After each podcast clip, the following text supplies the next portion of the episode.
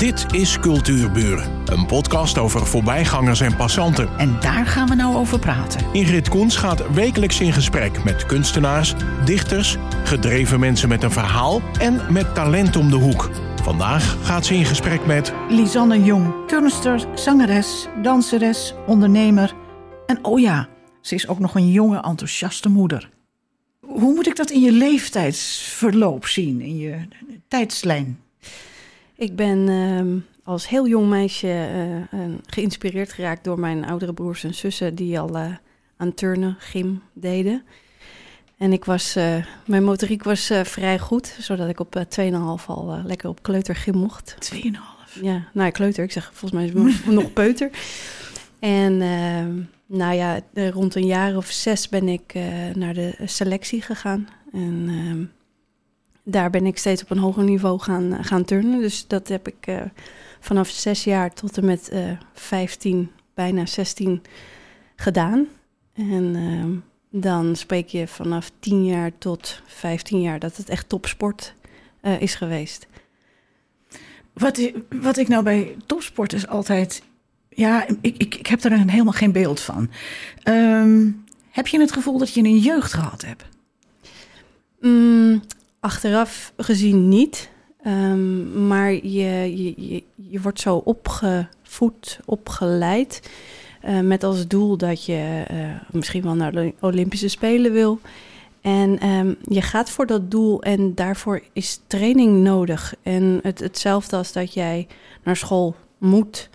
Um, doe je dit ook? Heb je ervoor over? je weet niet beter.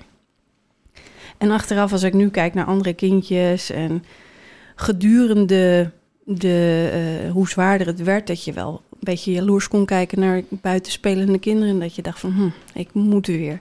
Oh ja. Maar ja, echt of ik het gemist heb, ik weet het niet, want ik weet niet beter. Nee, dat is waar. Dat Grafisch Lyceum, dat gebeurt, dat is een middelbare opleiding. Kwam dat tussen de sporten door? Want het is geen eenvoudige opleiding. Nee, het is een opleiding geweest uh, na de uh, middelbare school. Oh, het is een okay. vervolgopleiding geweest. Dus oh, dat is echt helemaal uh, na turnen geweest. Ik heb wel HAVO gedaan. En dat is echt tijdens geweest. En um, ik heb in die tijd heb ik ongeveer 40 uur per week getraind. 40 uur? Yes. Ja. Voor zo'n meisje in de puberteit? Ja, ja, dat uh, s ochtends vroeg om zeven uur tot een uur of half tien, tien uur. Daarna ging ik naar school. Um, ging ik vaak iets eerder weg, rond drie uur. En daarna gingen we weer trainen van vier tot half acht. Mijn hemel. Ja. En dat, ik vind uh, dat heel erg schokkend. Soms zeven dagen in de week, maar meestal hadden we op zaterdag vrij. En je vond het nog steeds leuk? Um, op een gegeven moment niet meer. Nee. nee. nee. Maar je hebt een doel voor ogen. Je, althans, een doel wat op een gegeven moment uh, meer aangepraat is dan dat het je eigen doel nog is. Want uh, ja, nu achteraf heb ik geleerd met alles wat er is, dat er heel veel is aangepraat. Je, je doet wat de trainer je vraagt. Um, ja, uh, je zit er zo erg in dat je, dat je daar zelf niet meer uit kan. En je doet gewoon wat je is opgedragen. En er is ook een beetje door de jaren heen geleerd om zelf eigenlijk geen mening meer te hebben. Hmm. Dus klinkt allemaal niet positief. Nee, nee, ik kan er nu achteraf ook heel weinig positiefs over zeggen. Tuurlijk zijn er positieve kanten. Maar de negatieve kanten die overschaduwen nu op dit moment wel heel erg, ja. Hmm. Wanneer, uh, wat zal je opgelucht zijn toen je niet meer hoefde te trainen? Ja. Oh. Ja. Ja. Ik merkte ook de laatste, het laatste jaar dat ik wat. Toen was ik al geblesseerd, overigens. Um, wat niemand wist dat er een, een, uh, tijdens een wedstrijd, um, een kwalificatiewedstrijd, geloof ik, in Amerika, is mijn arm uit de kom geweest.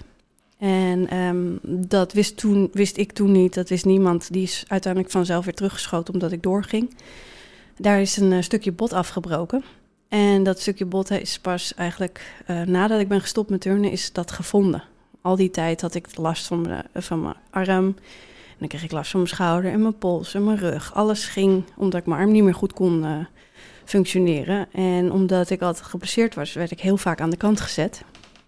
En daar ben ik langs de zijkant een beetje gaan zien hoe mensen deden, hoe het in elkaar zat. Ik moest genegeerd worden door de andere turnsters. Niemand mocht met mij praten, want een, een ja, eh, iemand die eh, ehm, geblesseerd is, die, die, ja, die eh, stelt niks meer voor. Dus ehm, ik heb altijd een beetje tegenstrijdig gehad eh, dat als je zegt dat ik iets niet kan, dat ik het dan wel kan of wel ga proberen. Dus soms kwam dat heel erg naar boven dat ik denk van, ja, je denkt nu dat ik niks kan, maar ik zal even wat laten zien. Oh ja. Eh, aan de andere kant had ik ook zoiets van, weet je, als je maar niet meer moet, dan toch niet. Dus ik ging ook een beetje rebelleren. Dat ik soms hoopte ook dat ik meteen aan de kant gezet werd. Dan dacht ik, ach, dan hoef ik vandaag even niet. Dus dat, dat hing denk ik van de dag af. En eh, ja, soms eh, vond ik dat toch wel heel fijn dat ik even weggestuurd werd. Ja, ik kan me dat heel goed voorstellen. Ja. Ehm, wat trok je aan in dat grafisch lyceum? Want je moet hebben kunnen tekenen, anders word je daar niet toegelaten. Ja, ja ik heb een eh, tien jaar oudere zus. En eh, dat ik zes was, was zij 16. Toen ging zij naar het Grafisch Lyceum. Wat toen nog een andere naam had, maar dat durf ik even niet meer te zeggen. En eh, ik was zo onder de indruk van wat zij allemaal kon. En zij kon echt goed tekenen. En ehm, ja, ik vond het altijd leuk. Ik kon wel goed tekenen. En toen dacht ik, dit ga ik later doen. Dus eigenlijk naast het turnen wist ik altijd van... Nou, als, ik, als ik later groot ben, dan ga ik dat ook doen. En eh, dan ga ik lekker tekenen en eh, ergens nog de wens. Dan ga ik bij Walt Disney en dan word ik eh, illustrator. En dat is niet helemaal uitgekomen. Maar dat was weer een nieuw ideaal. Het was weer een nieuw doel. nou, dat, dat, dat, dat ging, ja, hoe zeg je dat? Dat liep naast elkaar parallel. Dat wist ik gewoon altijd. Dus ja, en, en eh, Olympische Spelen en, eh, en eh, grafisch. Dat was voor jou natuurlijk wel heel prettig, hè? Dat er nog iets in je leven was. Ja. Ja. Ja, ja, ik wist dat gewoon. Ja. En, en was je toen al aan het zingen? Nee, nee, nee. ik- Niet? Helemaal niet. Nee, ik ehm, had eh, dikwijls gehoord van, nou weet je, doe dat zingen maar niet. Want dat eh, klinkt niet zo heel mooi. Maar ik had er zo'n ongelofelijke passie voor, want ehm, ja, soms tussen turnen door was er ook nog wel eens tijd om even naar een musical of iets te gaan. En als ik dat dan hoorde, was ik daarna zo, was ik zo geraakt. Ik denk, ach, dit wil ik, dit wil ik kunnen. En ehm, toen ik was gestopt met turnen, toen ben ik gaan dansen. En ehm, eigenlijk meer omdat ik niet wist wat ik moest doen. Ik moest nog blijven bewegen.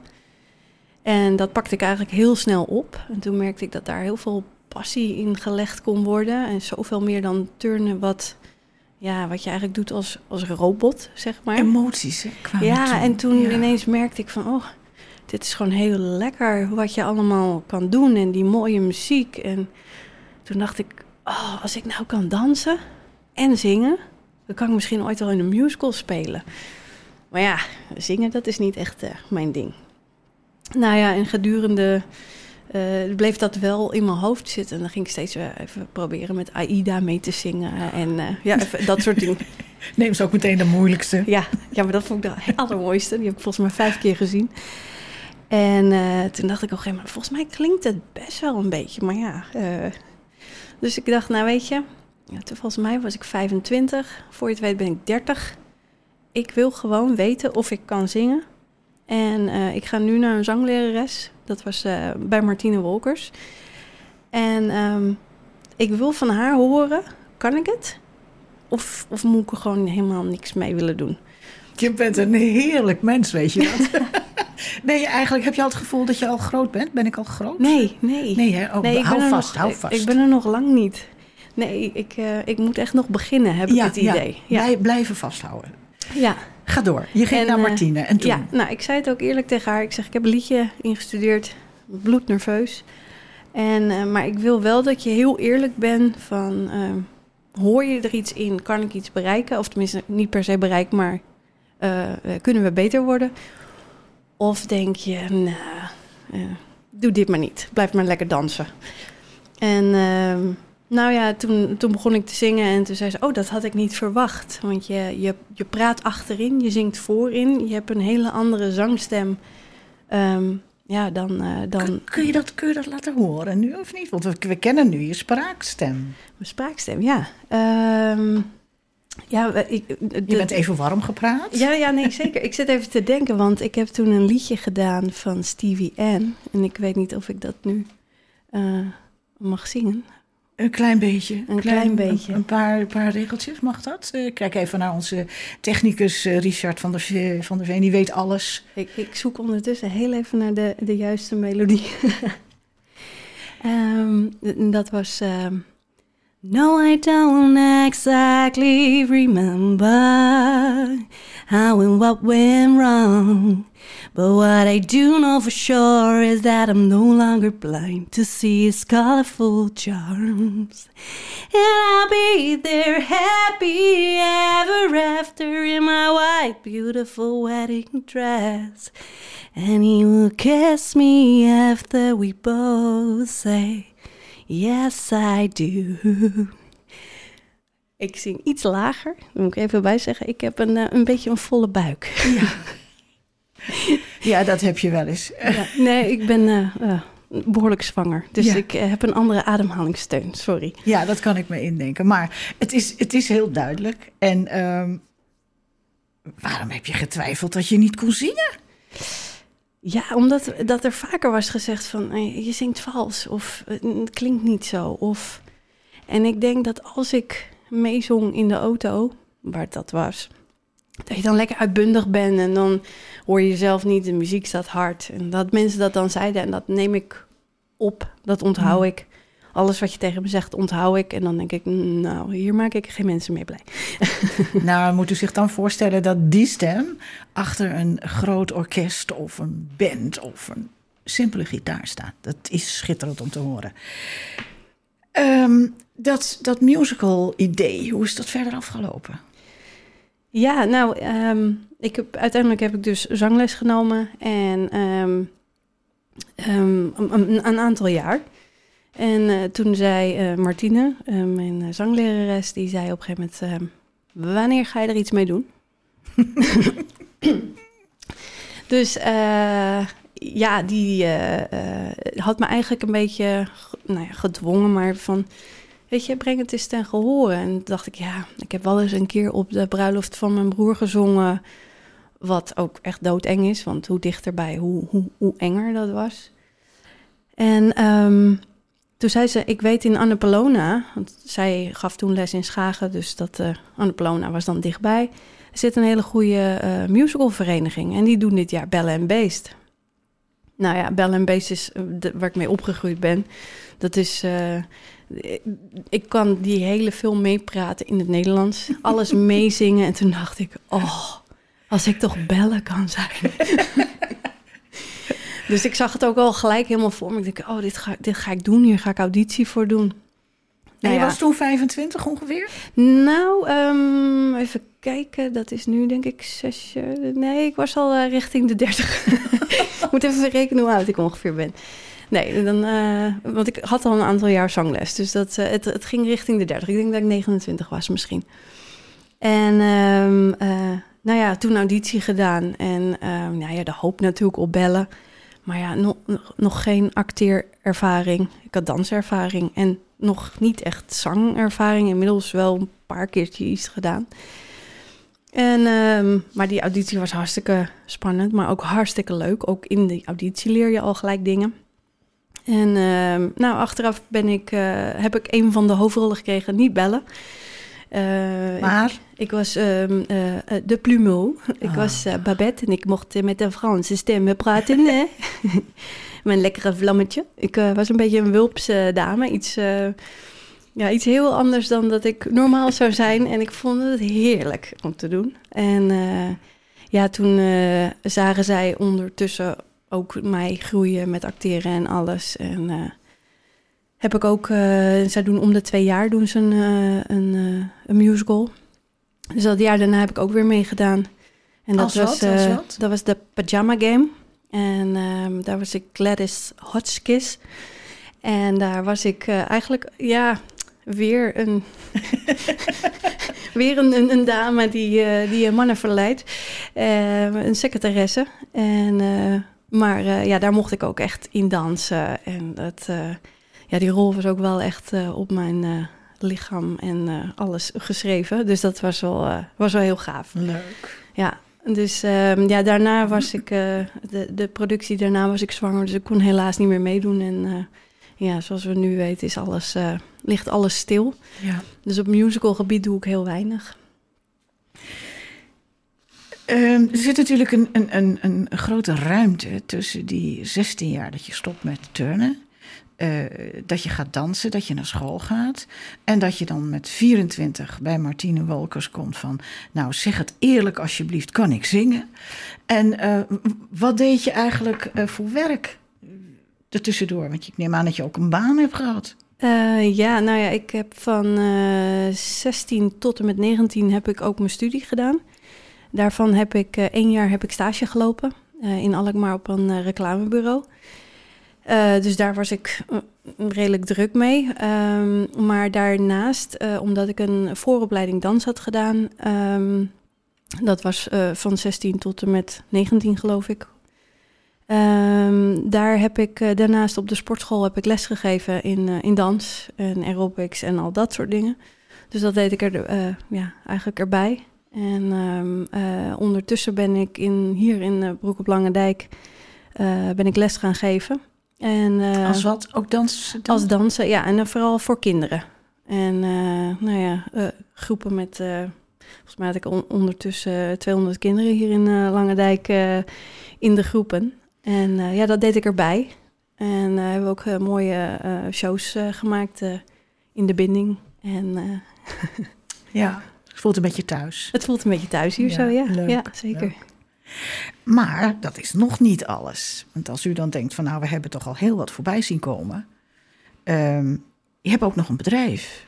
Ja, ja. Vertel daar eens wat over als je wil. Ja, nou, ik ehm, ben, eh, eh, want ja, na mijn school ben ik, eh, ben ik een beetje zoekende geweest, maar toen werkte ik even iets meer op de sportschool. Ehm, heb ik op mijn 22e uiteindelijk een baan gevonden in Amsterdam, bij een reclamebureau. En daar heb ik eh, 13 jaar gewerkt. En ehm, eigenlijk tot vorig jaar, eh, tot en met vorig jaar moet ik zeggen. En ehm, ja, de wens eh, is gedurende de tijd weet je, eh, dat, dat er steeds van alle kanten kwamen steeds meer mensen vragen: kan je even iets voor me maken? Kan je dit voor me maken? En denk ik, ja, maar ik heb ook een fulltime baan. En nou ja, het, het mag ook niet, want je hebt gewoon een contract. En de vraag werd steeds groter. Ik moest steeds vaker nee zeggen. Dat het steeds begon te groeien van, nou, misschien moet ik maar eens een keertje voor mezelf gaan beginnen. Nou, die stap is heel eng. Ja, dat geloof ik. Die stap is heel eng. En eh, vorig jaar eh, dat mijn tweede dochtertje was geboren, die, eh, die heeft mij een soort van gedwongen te stoppen met werken. Want die wilde absoluut niet zelf uit een flesje drinken, waardoor ik heen en weer moest rijden om haar te voeden. Oh ja, natuurlijk. Ja, dat is Ja. niet handig. Nee, naar Amsterdam heen en weer was niet handig. En, ze had er dag-nachtritme omgedraaid. Dus ik was, in de nacht was ik wakker. Overdag probeerde ik iets van werk te doen. En toen kwam ik bij een osteopaat en die zei... je dochter probeert je iets te vertellen. En toen dacht ik, hm, zou je gelijk hebben? En toen eh, dacht ik, weet je, ik stop gewoon. Want ik, dit gaat ook niet door. Eh, dit gaat niet zo eh, langer door. Gaat niet goed. Dus ik ben gestopt. En de maandag nadat ik gestopt was, begon mijn dochtertje uit de fles te drinken. Ach, dat meen je niet. Ja. Dus dat was echt ik die alles blokkeerde Ja. bij mijn dochter. En ze probeerde me echt iets te vertellen van... "Ah." Dus ik heb eh, begin dit jaar, januari... ehm, ja, Oh, dat is nog heel pril. het is heel pril. Ja, ik ben vorig jaar december ben ik gestopt. Januari zou ik het gaan oppakken. En eh, ja, eh, nu, nu ben, ik, eh, ben ik startende. En ehm, ja, ik krijg van alle kanten krijg ik, eh, krijg ik opdrachten binnen. Dus ik heb eigenlijk nu nog ja, te kort tijd eigenlijk de, om, eh, om al het werk uit te voeren. Zo'n duizendpoot. Ja. Eh, ik kijk even naar onze technicus, want we zitten natuurlijk ook met bepaalde dingen die niet mogen. Eh, mag ze even de naam van haar? ja, dat mag. Je hebt een hele leuke naam bedacht. Ja, ja mijn bedrijf heet Visually. Dat heb ik samen met mijn zus bedacht. Ehm, eh, mijn vrienden noemen me altijd Lee. En ehm, omdat ik nou ja, zoveel omvangrijke dingen doe. Um, van, uh, nou ja, van tekenen tot foto's bewerken, foto's maken, zingen, stemmen opnemen, al dat soort dingen. ehm, dacht ik, het is heel visueel wat ik doe. Dus of je kijkt naar met dansen of wat ik maak, daar kan je naar kijken. Dus ik zat een beetje in, in, in, in die sfeer. Dus vandaar visual. Dat, ik maak visuals en visualie met mijn naam eraan gekoppeld. Jij bent waarschijnlijk wel heel erg blij met de kinderopvang, hè? ja, zeker weten. Ik ben heel blij met de kinderen, maar ik ben ook heel blij met de kinderopvang. Ja. Want uh, je hebt nu twee meisjes. Ja. En uh, er komen er nog twee uh, baby's bij, laat ik het zo ja. zeggen. Hoe ga je dat doen? Want ik denk dat heel veel vrouwen denken... ja, ik zou toch ook wel graag wat willen doen. En hoe pak ik dat nou aan? En de kinderopvang, oké, dat is er. Maar dan nog moet je een, een, een feeling hebben voor organisatie. Hoe, hoe doe je dat? Hoe, ga je het doen? Ja, dat is aan de ene kant nog wel de vraag. En ik laat me ook adviseren door uh, andere ouders, ook van tweelingen en hele jonge kinderen. Vooral niet te veel verwachten. Um, kijk ook hoe, hoe dingen lopen. Uh, maar in mijn, um, ja, in mijn idee, als, als er opvang is voor twee of drie dagen, dan kan ik ook twee of drie dagen gewoon nog werken. Dus ik denk dat er uh, eigenlijk heel weinig verandert zeg maar, op de werkdagen zelf. En dat ik daar ruimte voor kan vinden. En um, uh, ja, de andere dagen zal het uh, een heel stuk drukker zijn. En ja, ik weet niet of dat te plannen valt. Nee, ik denk het ook niet. Maar ik denk toch wel dat je het goed in je hoofd hebt. Wat je wel tegen me zei, en dat vond ik... we hadden net even zo'n koffiegesprekje. en dat vond ik eigenlijk heel, heel frappant en specifiek voor jou... Um, soms is het best wel moeilijk, want dan heb ik een vrije dag. Maar omdat ik creatief werk en omdat ik iets, uh, iets creatiefs in mijn hoofd moet bedenken, komt dat niet altijd op mijn vrije dag. Nee. Hoe ga je dat nou doen? Komt dat s'nachts? Komt dat. Ja, het, valt in je hoofd. Ja, toch? Ja, ja, ja. ja het, het, is echt uh, afhankelijk. Want inderdaad, uh, um, creativiteit komt wanneer het komt.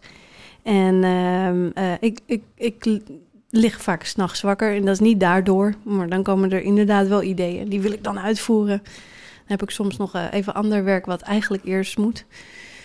Maar ja, nee, het komt wanneer het komt. En uh, gelukkig heb ik die vrijheid om ook uh, s'avonds mijn computer te pakken. En dat is het mooie van eigen baas. Um, ja, soms even als de kindertjes slapen. En soms even iets eerder voordat de kinderen wakker worden.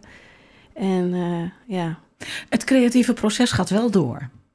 Vaak, nou, uh, dat kan s'avonds gewoon stoppen. Als ik mijn computer uitdoe, dan kan dat uit. Maar ik kan het, uh, ik kan het ook gewoon zelf aanzetten als ik er nog niet helemaal ben. Dan, kan, dan gaat dat gewoon door en door en door.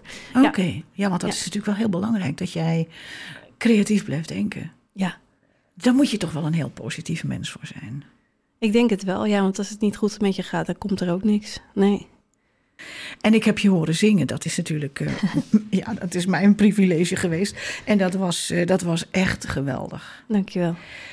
Lisanne, ja. ik wens jou al het goede. Ik wens jou heel veel creativiteit. Want je hebt ook allemaal hokjes waar je het in kan stoppen. Dus je kan het altijd weer gebruiken. Hartstikke leuk. Richard, hartelijk bedankt voor je, voor je inzet. Want als jij er niet was, zaten wij gezellig met z'n tweeën aan een bak koffie. En had, heeft niemand dit verder kunnen beluisteren. Dus ik ben heel blij met je. Dit was Cultuurburen. Een podcast van Ingrid Koens en Streekstad Centraal. Bedankt voor de aandacht en tot de volgende Cultuurburen.